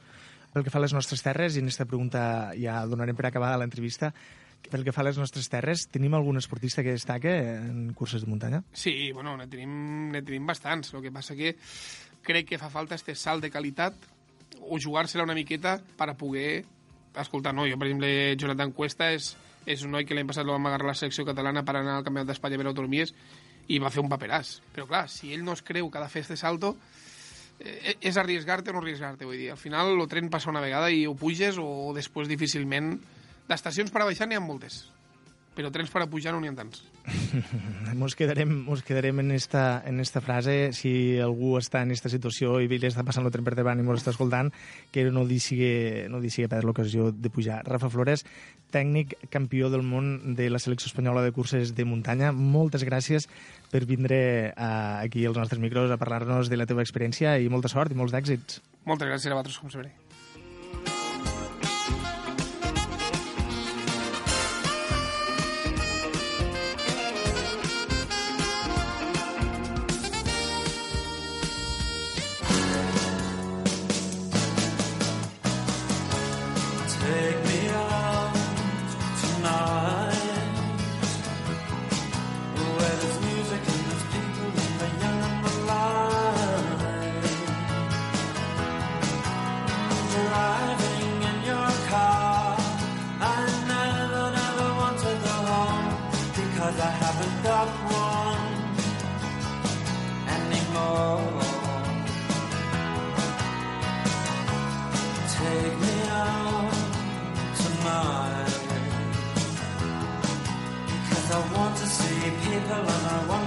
Light. Mm, Driving in your car. Oh, please don't drop me home Because it's not my home, it's their home and I'm welcome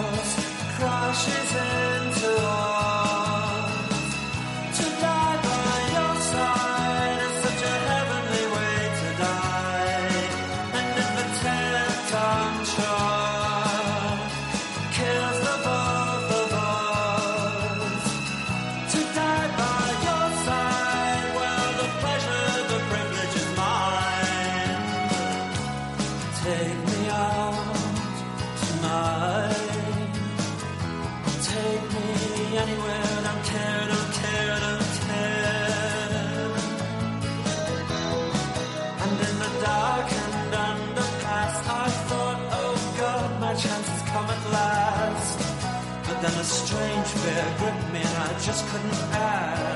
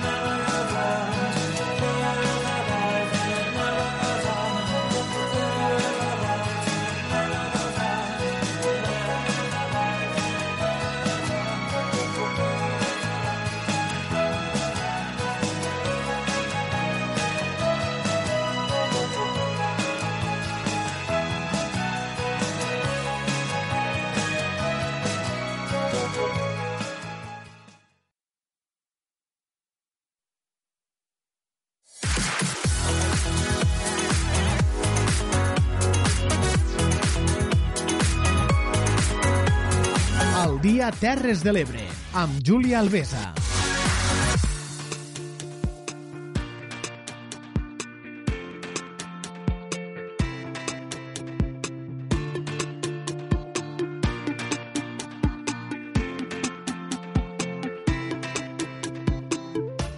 Avui anem a conèixer una de les problemàtiques que viu la Costa Daurada, perquè la crisi del sector del peix blau s'agreuja per la desaparició de la sardina i el seitó. Fa més de quatre mesos que els pescadors de l'encerclament dels ports de l'Ametlla de Mar, Cambrils i Tarragona no troben peix a la mar i això dificulta la supervivència del sector que arrossega problemes des de fa anys. Francesc Callau parla amb Miquel Brull, president de la Cofradia de Pescadors de l'Ametlla de Mar. Endavant, Francesc. La crisi del peix blau s'agreuja per la desaparició de la sardina i el seitó. Fa quatre mesos que els pescadors de l'encerclament de l'Ametlla de Mar, Cambrils i Tarragona pues no, no, pràcticament no troben peix a la mar, no capturen pràcticament res i això pues, dificulta la supervivència d'un sector que ja arrossega problemes des de fa anys i que va comportant pues, això, per una banda, el desballestament d'embarcacions i per l'altra, pues, els problemes econòmics que passen no només als mariners, sinó també als patrons i als armadors de les embarcacions. Per parlar precisament d'aquest tema, avui hem convidat al programa a Miquel Brull, que és el patró major de la confraria de pescadors de l'Ametlla de Mar. Miquel Brull, què tal? Bona tarda. Bona tarda. Eh, comentàvem això, no?, que, que eh, després de la crisi del 2016 i 2017 pareixia que, que al llarg de l'any passat el sector s'havia anat recuperant, és a dir, que trobàveu més peix i que el problema que havíeu tingut de que el peix que trobàveu era molt petit, molt menut, doncs també a poc a poc s'anava recuperant. Això de cop, des de l'estiu s'ha tornat a tallar. Sí, doncs, bueno, eh, és com tu dius, vull dir, el 2018 vam començar malament, eh, llavors a partir del mes, si no recordo malament, a finals d'abril, començaments de maig, i la cosa va canviar molt. També va, va ser un canvi molt, molt radical, també. Vam començar a agafar peix, un peix que era gros, que feia, nosaltres feia temps que no tocàvem i que no agafàvem. aquesta classe de peix, nosaltres sempre diem que devia estar en un altre, perquè de fet el- els altres, tot el que era per de Barcelona o el que era per de, del sud de Castelló s'estava agafant i, i que no, que notàvem nosaltres raro era que aquí a la zona nostra no s'agafava. Este peix l'any passat el vam agafar, vam acabar l'any pues, molt bé, vam començar en guany el 2019 també d'una manera també força bé, però la qüestió és que una vegada vam arribar a finals de juny, començaments de juliol, la cosa es va anar trencant, trencant, trencant, així que ja vam arribar a l'agost ja un desastre, i setembre, octubre i novembre, pues, ha sigut pues, un, un, un caos, ha sigut un caos que de, de, de sortir a mar i, i, i no agafar res, i, i sortir, i no trobar res, i no trobar res, i no trobar res, i, i no trobar ni peix gros, ni peix minut, ni, ni cap peix en tota la mar. I això s'afegeix als anys que ja porteu de problemes, és a dir, salvant els mesos aquests del 2018 i primers possiblement del 2019, els mesos i els, i els anys que arrossegueu amb crisi de peix i de mides, no? Sí, home, clar, és que clar, és, això és tot el mateix, vull dir, si, si això no ho haguéssim vist aquests anys, doncs, bueno, pots pensar que pot ser, doncs, bueno, pot ser, jo què sé, una circumstància, pot ser un cicle, que sigui, però clar, que aquí m'ho trobat que és com aquí, no? Gat escaldat en aigua té vent i prou. Pues bueno, ara resulta que tornem a estar, o estos mesos hem estat, i jo diria que pràcticament, jo diria que més, més malament que, que en aquells anys de la crisi, perquè en aquells anys de la crisi, almenys, pues bueno, se trobava peix a la mar, moltes vegades no, no l'agafaven perquè era minut i, i, i, i pues, tampoc comercialment no tenia molt de valor i més valia deixar a la mar, però és que ara el que ens hem trobat estos mesos és que, és que com si s'hagués desapareixut el peix a la mar. Clar. no ha sigut una setmana o dos, ha sigut diversos mesos, això. Clar, això us fa tindre, com se diu de manera col·loquial, la mosca detrás de l'orella, perquè deveu preguntar-vos on està este peix, no? Claro, no, no, sí, és que claro, lo, lo, lo que et fa, lo, lo, lo que et fa barruntar el cap és tot això, és que vull dir, com pot ser que, que, que, que hagi desapareixut el peix de, de, de, de, de, pràcticament en 15 dies o tres setmanes va desaparèixer el peix i hem estat dos o tres mesos pràcticament per a tornar a agafar alguna cosa, se va agafar cosa la, la, la setmana passada. Vull dir, els últims dos o tres dies de la setmana passada es va començar a tornar a agafar algun seitó, però és que hem estat pràcticament tres mesos, tres mesos sense agafar res i un mes dolent, però vull dir és que han sigut tres mesos de zero, però és que zero, però zero, però és que era, era, era increïble, era sortir la mar i no trobar res. Claro, tot això pues, sempre t'ha que pensar, no? De dir, aviam, no, no és això una mala tongada o un quart de lluna, com se deia abans. Eh? Vull dir que hi, hi ha algo raro que, que, que, que, que no sabem el que és, però, claro, el que, lo, lo que passa que llavors encara que torni el peix i se'n torni a agafar, pues, clar, sempre tens, sempre tens lo, lo mal tranquil de què passarà l'any que ve. I clar, això és complicat també de, de, de viure així també. Clar, eh, perquè dins de l'àmbit del sector s'estan fent aturades biològiques de dos mesos. En els darrers anys s'han reduït horaris. Eh, fins i tot s'han desballestat una part important de la flota pesquera de, de l'encerclament a la demarcació de Tarragona, és a dir, que només queden 12 barques en tota la demarcació de Tarragona que es dediquin a la pesqueria del peix blau, del, de la sardina i el saitó. És a dir, que el sector d'esforç i reducció de l'esforç pesquer ne fa. No? És que jo penso que no en podem fer més, perquè fer més esforç ja és pràcticament deixar les barques amarrades del moll. Perquè, a veure, és que en els últims quatre anys ha desapareixut el, quasi el 40% de la flota de- de- d'encerclament. Agafem menys peix, perquè també molt hem regulat nosaltres a nivell de captures. Encara estem aguantant cupos de sardina de que quan, quan n'agafàvem tanta que vam posar el cupo de, de 3.000 de 300 caixes encara l'estem aguantant i no i no n'hi ha cap.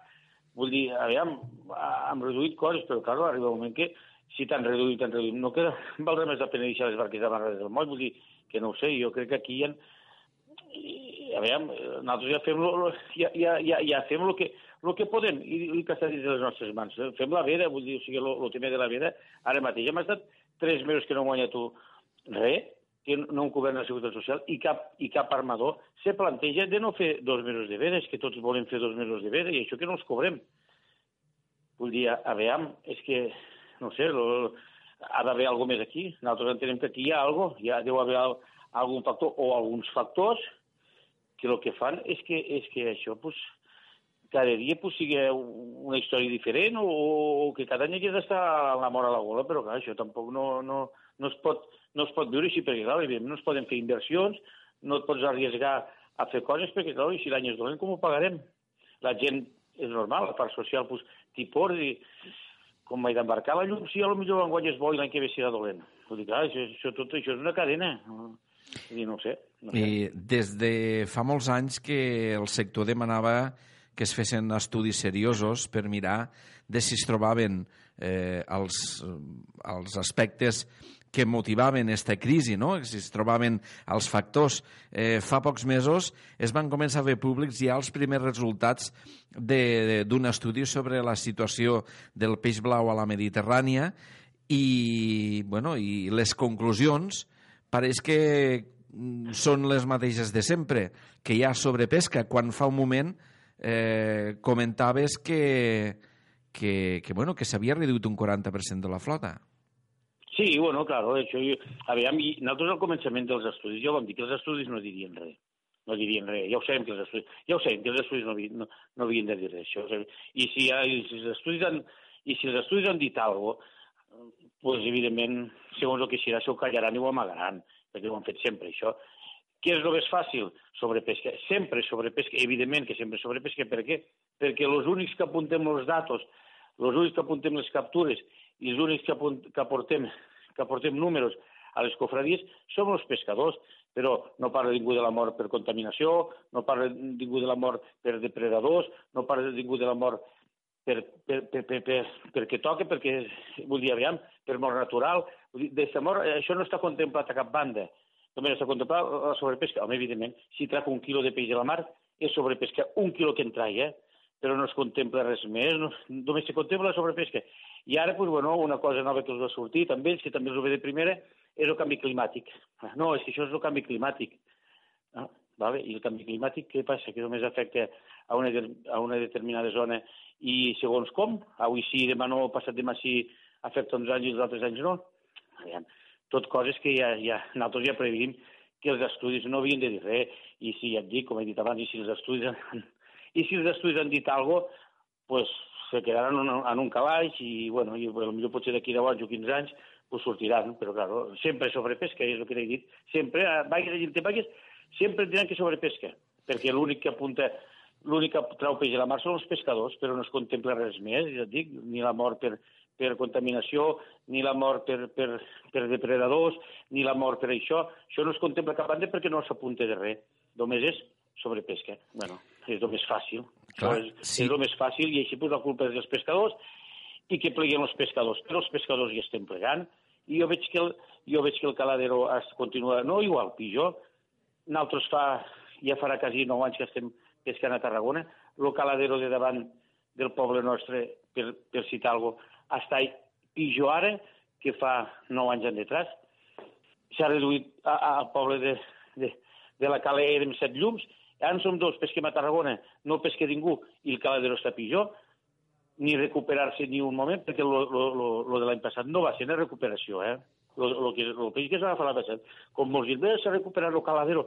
El caladero no recupera d'un dia per l'altre, lo de l'any passat va ser, va ser una altra cosa. Doncs pues bueno, pues ells continuen dient sobre pesca, pues bueno, desapareixerem els pescadors, i llavors, com que no ningú traurà peix a la mar, continuaran dient que sobre pesca, o, o no diran res, perquè com que no hi haurà datos no diran res. Clar, perquè eh, reducció del 40% de la flota. Eh, segons les xifres, eh, mm, portem més de mig milió de quilos menys de peix agafats respecte a l'any passat, només en les barques que venen al Serrallo de Tarragona. Per tant, eh, han d'haver altres, altres factors. Per als pescadors, quins podrien ser aquests factors? No sé, nosaltres lo, lo, lo, lo, com, com a pescadors lo que veiem és, primer, que a la mar hi ha molta tonyina, hi ha molta tonyina, lo, la tonyina és el depredador més gran que hi ha al Mediterrani, i n'hi ha molta, i cada any hi ha més. I, clar, s'ha fet un, un, un gran pla de recuperació de la tonyina, però no s'ha mirat quin impacte ha tingut aquesta gran recuperació de tonyina sobre, sobre los, los bancs de petits pelàgics, perquè, bueno, ja s'ha mirat això, l'impacte que ha tingut aquesta gran recuperació de la tonyina damunt dels, de, de, del seu menjar, que és, que és el peix blau, no s'ha mirat. Claro, nosaltres el que vam notar l'any passat, per a dir, perquè això és el que, això és el que, el que hem explicat a, a l'administració quan ha anat és, a diferència de, de l'any 2015, 2016, 2017, la diferència del 2018 va ser que nosaltres a la mar de tonyines no en vam veure. Pel que siga, la tonyina no va vindre, perquè a casa nostra se va quedar a, a les seues mars i nosaltres vam pescar tranquils. Hasta el juliol d'enguany, nosaltres de tonyines no en vam veure. Mentre nosaltres de tonyines no en vam veure, doncs nosaltres vam anar treballant i el peix anava fent el seu procés normal. Una vegada van entrar els depredadors a la mar nostra i es va omplir la mar en el peix blau de tonyines, a nosaltres no se desapareix el peix. Aquesta és una, que podria ser, podria ser. L'altra, que també podria ser, a la mar el que dona a entendre és que no hi ha mitjà, no hi ha plàcton. Doncs bueno, algo deu haver que pel que sigui no hi ha plàcton a la mar, però els pescadors ni pesquem tonyines ni agafem plàcton, però nosaltres de peix no en tenim. Pues, per tant, que poden haver altres factors també, que no ho sé, no ho sé, s'haurien de mirar, però que els mirien, però això de sobrepesca, au, sobrepesca. Evidentment que sobrepesca. No hi ha res més, ja no, ja, ja no, ja no cal mirar res més. Ara d'aquí... Nosaltres el que hem observat és, és, és, nosaltres el que hem observat este, este període, doncs, que comprendria entre mitant del 18 fins mitant del 19, a vistes de, de pescadors, el que hem notat, a diferència dels anys, és això que et dic jo, que la gran incursió de tonyines no l'havíem tingut. Ara esteu a prop d'iniciar una altra aturada biològica. Arriba a final d'any estareu dos mesos aturats, no? Sí, bueno, clar. sí, pues bueno, eh, hi, ha, hi, ha, hi ha ganes de, de, de, de parar, perquè s'ha de parar, perquè entenem que també és necessari i és bo pel caladero i tot, però, clar, ja hi tornem a ser la mateixa. Ara, la setmana passada es van agafar dos, dos peixos a final de setmana, a veure com, acara, com acabarem l'any, potser de cara a final d'any, pues, ojalà, mare de Déu, se, se tornis a agafar peix aquestes dues o tres setmanes que queden, però, claro, ja hi tornem a estar en la incertidumbre de l'any que ve. Què passarà l'any que ve? Claro, llavors és el que t'he comentat. A nivell social hi ha por, perquè els marins és normal, perquè com si l'any que ve, i a nivell empresarial o de barca també, perquè han ganes de fer alguna inversió o alguna cosa, doncs tot te frena, perquè, clar, i si l'any que ve és dolent, perquè no tens una certesa de com serà. I clar, això, doncs, aviam, és, és el que he dit abans, és un mal viure, és que així no, no, no es pot estar, no, és, és molt complicat treballar, treballar d'aquestes maneres així. Quan comenceu l'aturada, Miquel? El dia, lo dia 19 de desembre, el dia 19 de desembre, que és dijous, serà l'últim dia de venda de peix. I llavors me penso que, si no m'equivoco, comencem, el dia, si no m'equivoco, comencem el dia 17 de, de febrer. Miquel Brull, patró major de la Confraria de Pescadors de la Mella de Mar, moltíssimes gràcies per atendre'ns. A vosaltres. La crisi que torna a afectar el sector de l'encerclament, el sector del peix blau, davant d'aquesta desaparició d'aquestes espècies, la sardina i el seitó, davant de la costa de l'Ebre i de Tarragona.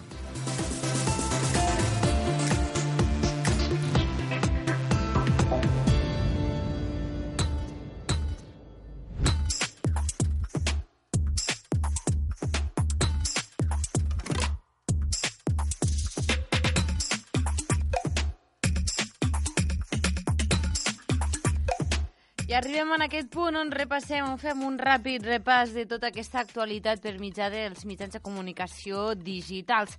Anem, com no, amb lavanguardia.com.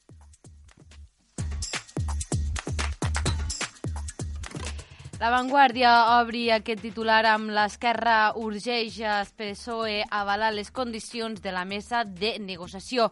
Els republicans volen que Sánchez doni a conèixer quan abans la seva pròpia proposta.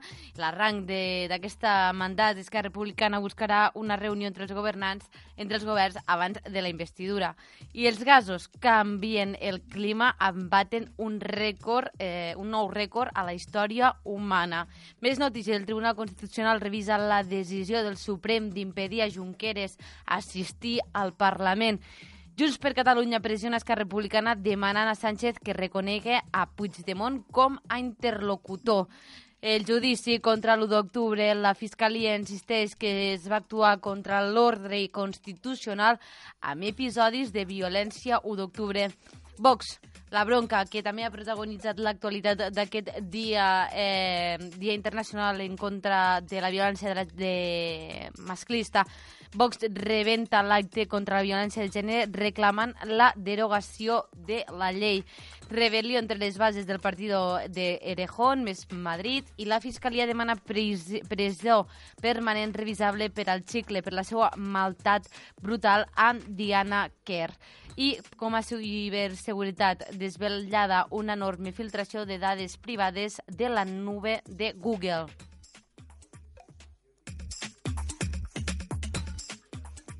Al periódico.com, a l'edició de Catalunya, obren amb la notícia de que la crisi climàtica s'agreuja. El CO2 bat nou rècord.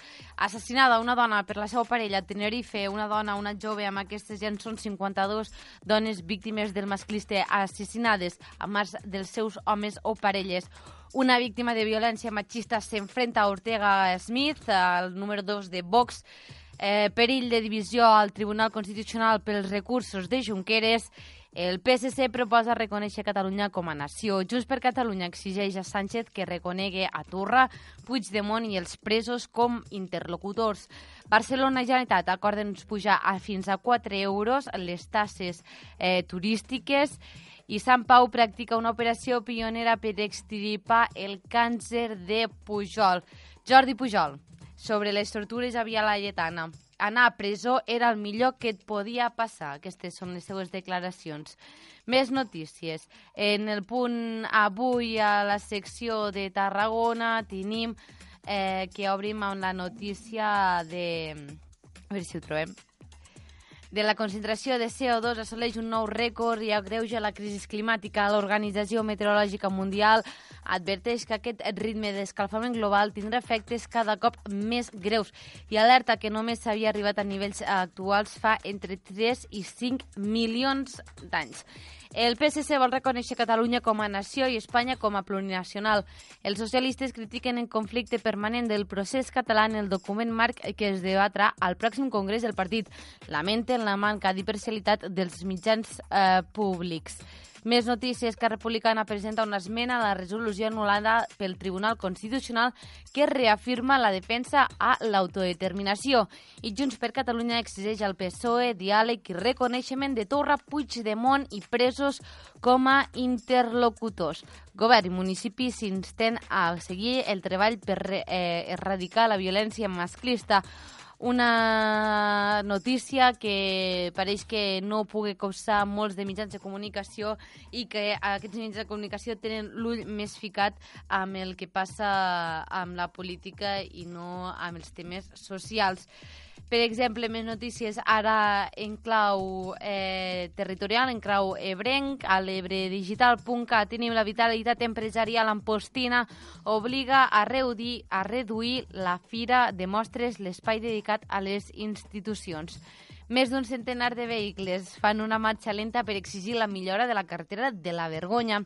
El club volei Roquetes, sense opció davant el tercer de la Lliga, les Terres de l'Ebre recorden amb 12 espelmes les dones mortes per violència a Catalunya. El gran recapte supera els 90.000 quilos d'aliments recollits en els establiments de les Terres de l'Ebre.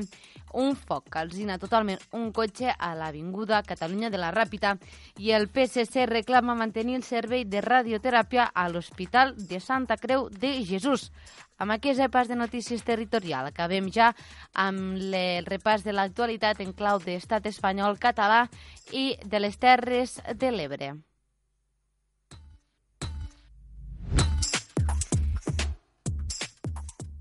I ara nosaltres passarem amb els consells, eh, com cada dia, per tancar la, la segona hora del dia Terres de l'Ebre. I anirem amb Mar de Fons amb els consells de Mar Panicello.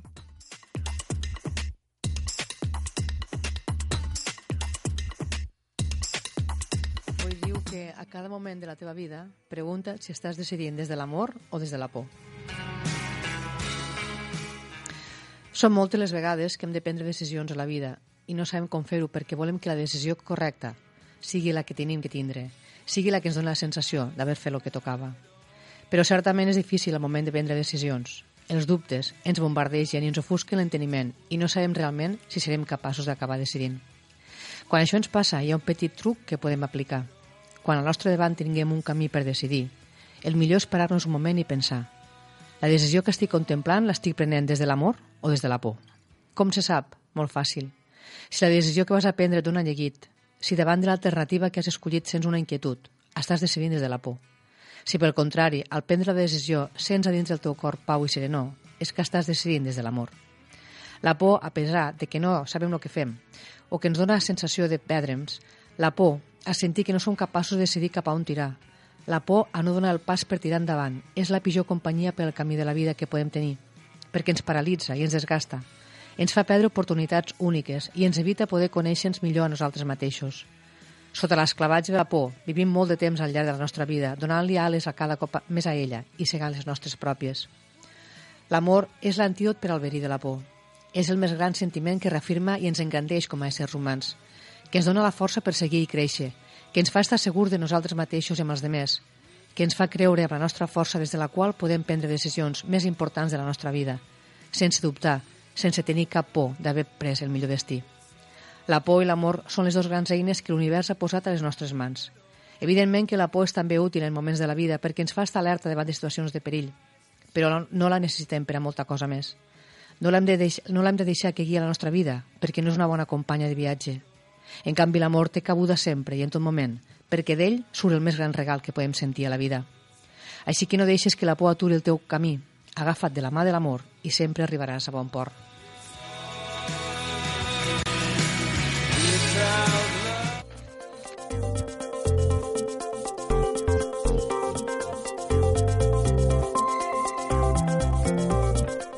Fins aquí eh, arribem a la segona hora del dia Terres de l'Ebre gràcies a les sis emissores que ens acompanyen com són la Cala Ràdio, Ràdio Delta, Ràdio Joventut, Amposta Ràdio, La Plana Ràdio i Ràdio Tortosa.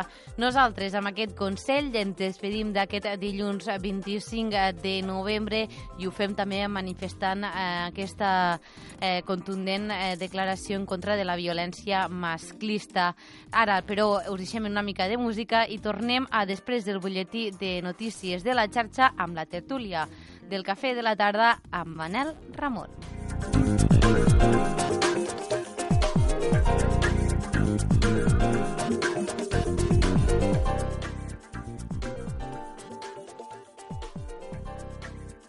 La medicina no ens ha salvat del nostre avall.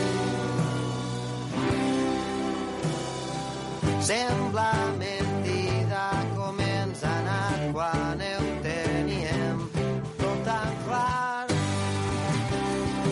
tan clar. Els nostres passos no em fan feliç. Des que les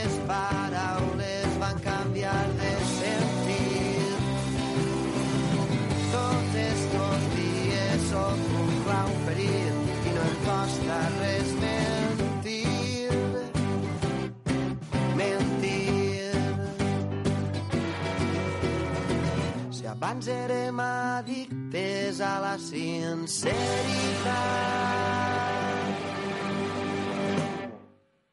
ara les veus se'ns volen emportar.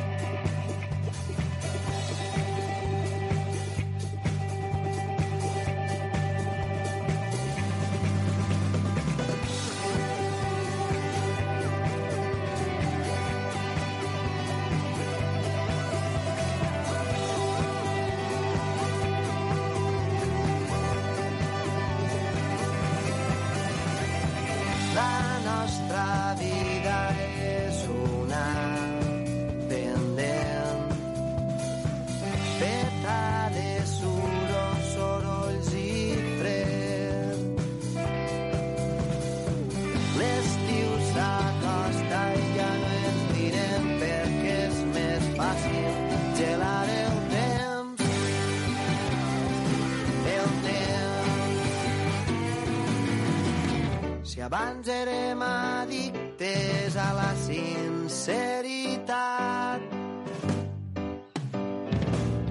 ara les veus se'ns volen emportar. Si abans érem addictes a la sinceritat, si abans si abans érem addictes, si abans, si abans, si abans.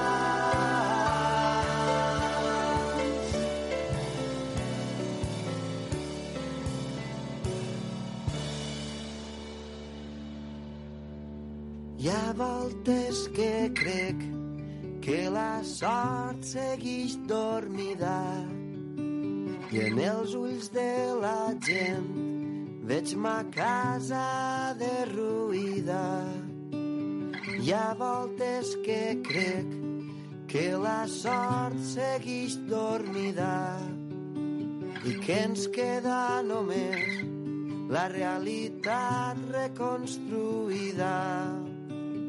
Hi ha voltes que crec que la sort segueix dormida i en els ulls de la gent veig ma casa derruïda.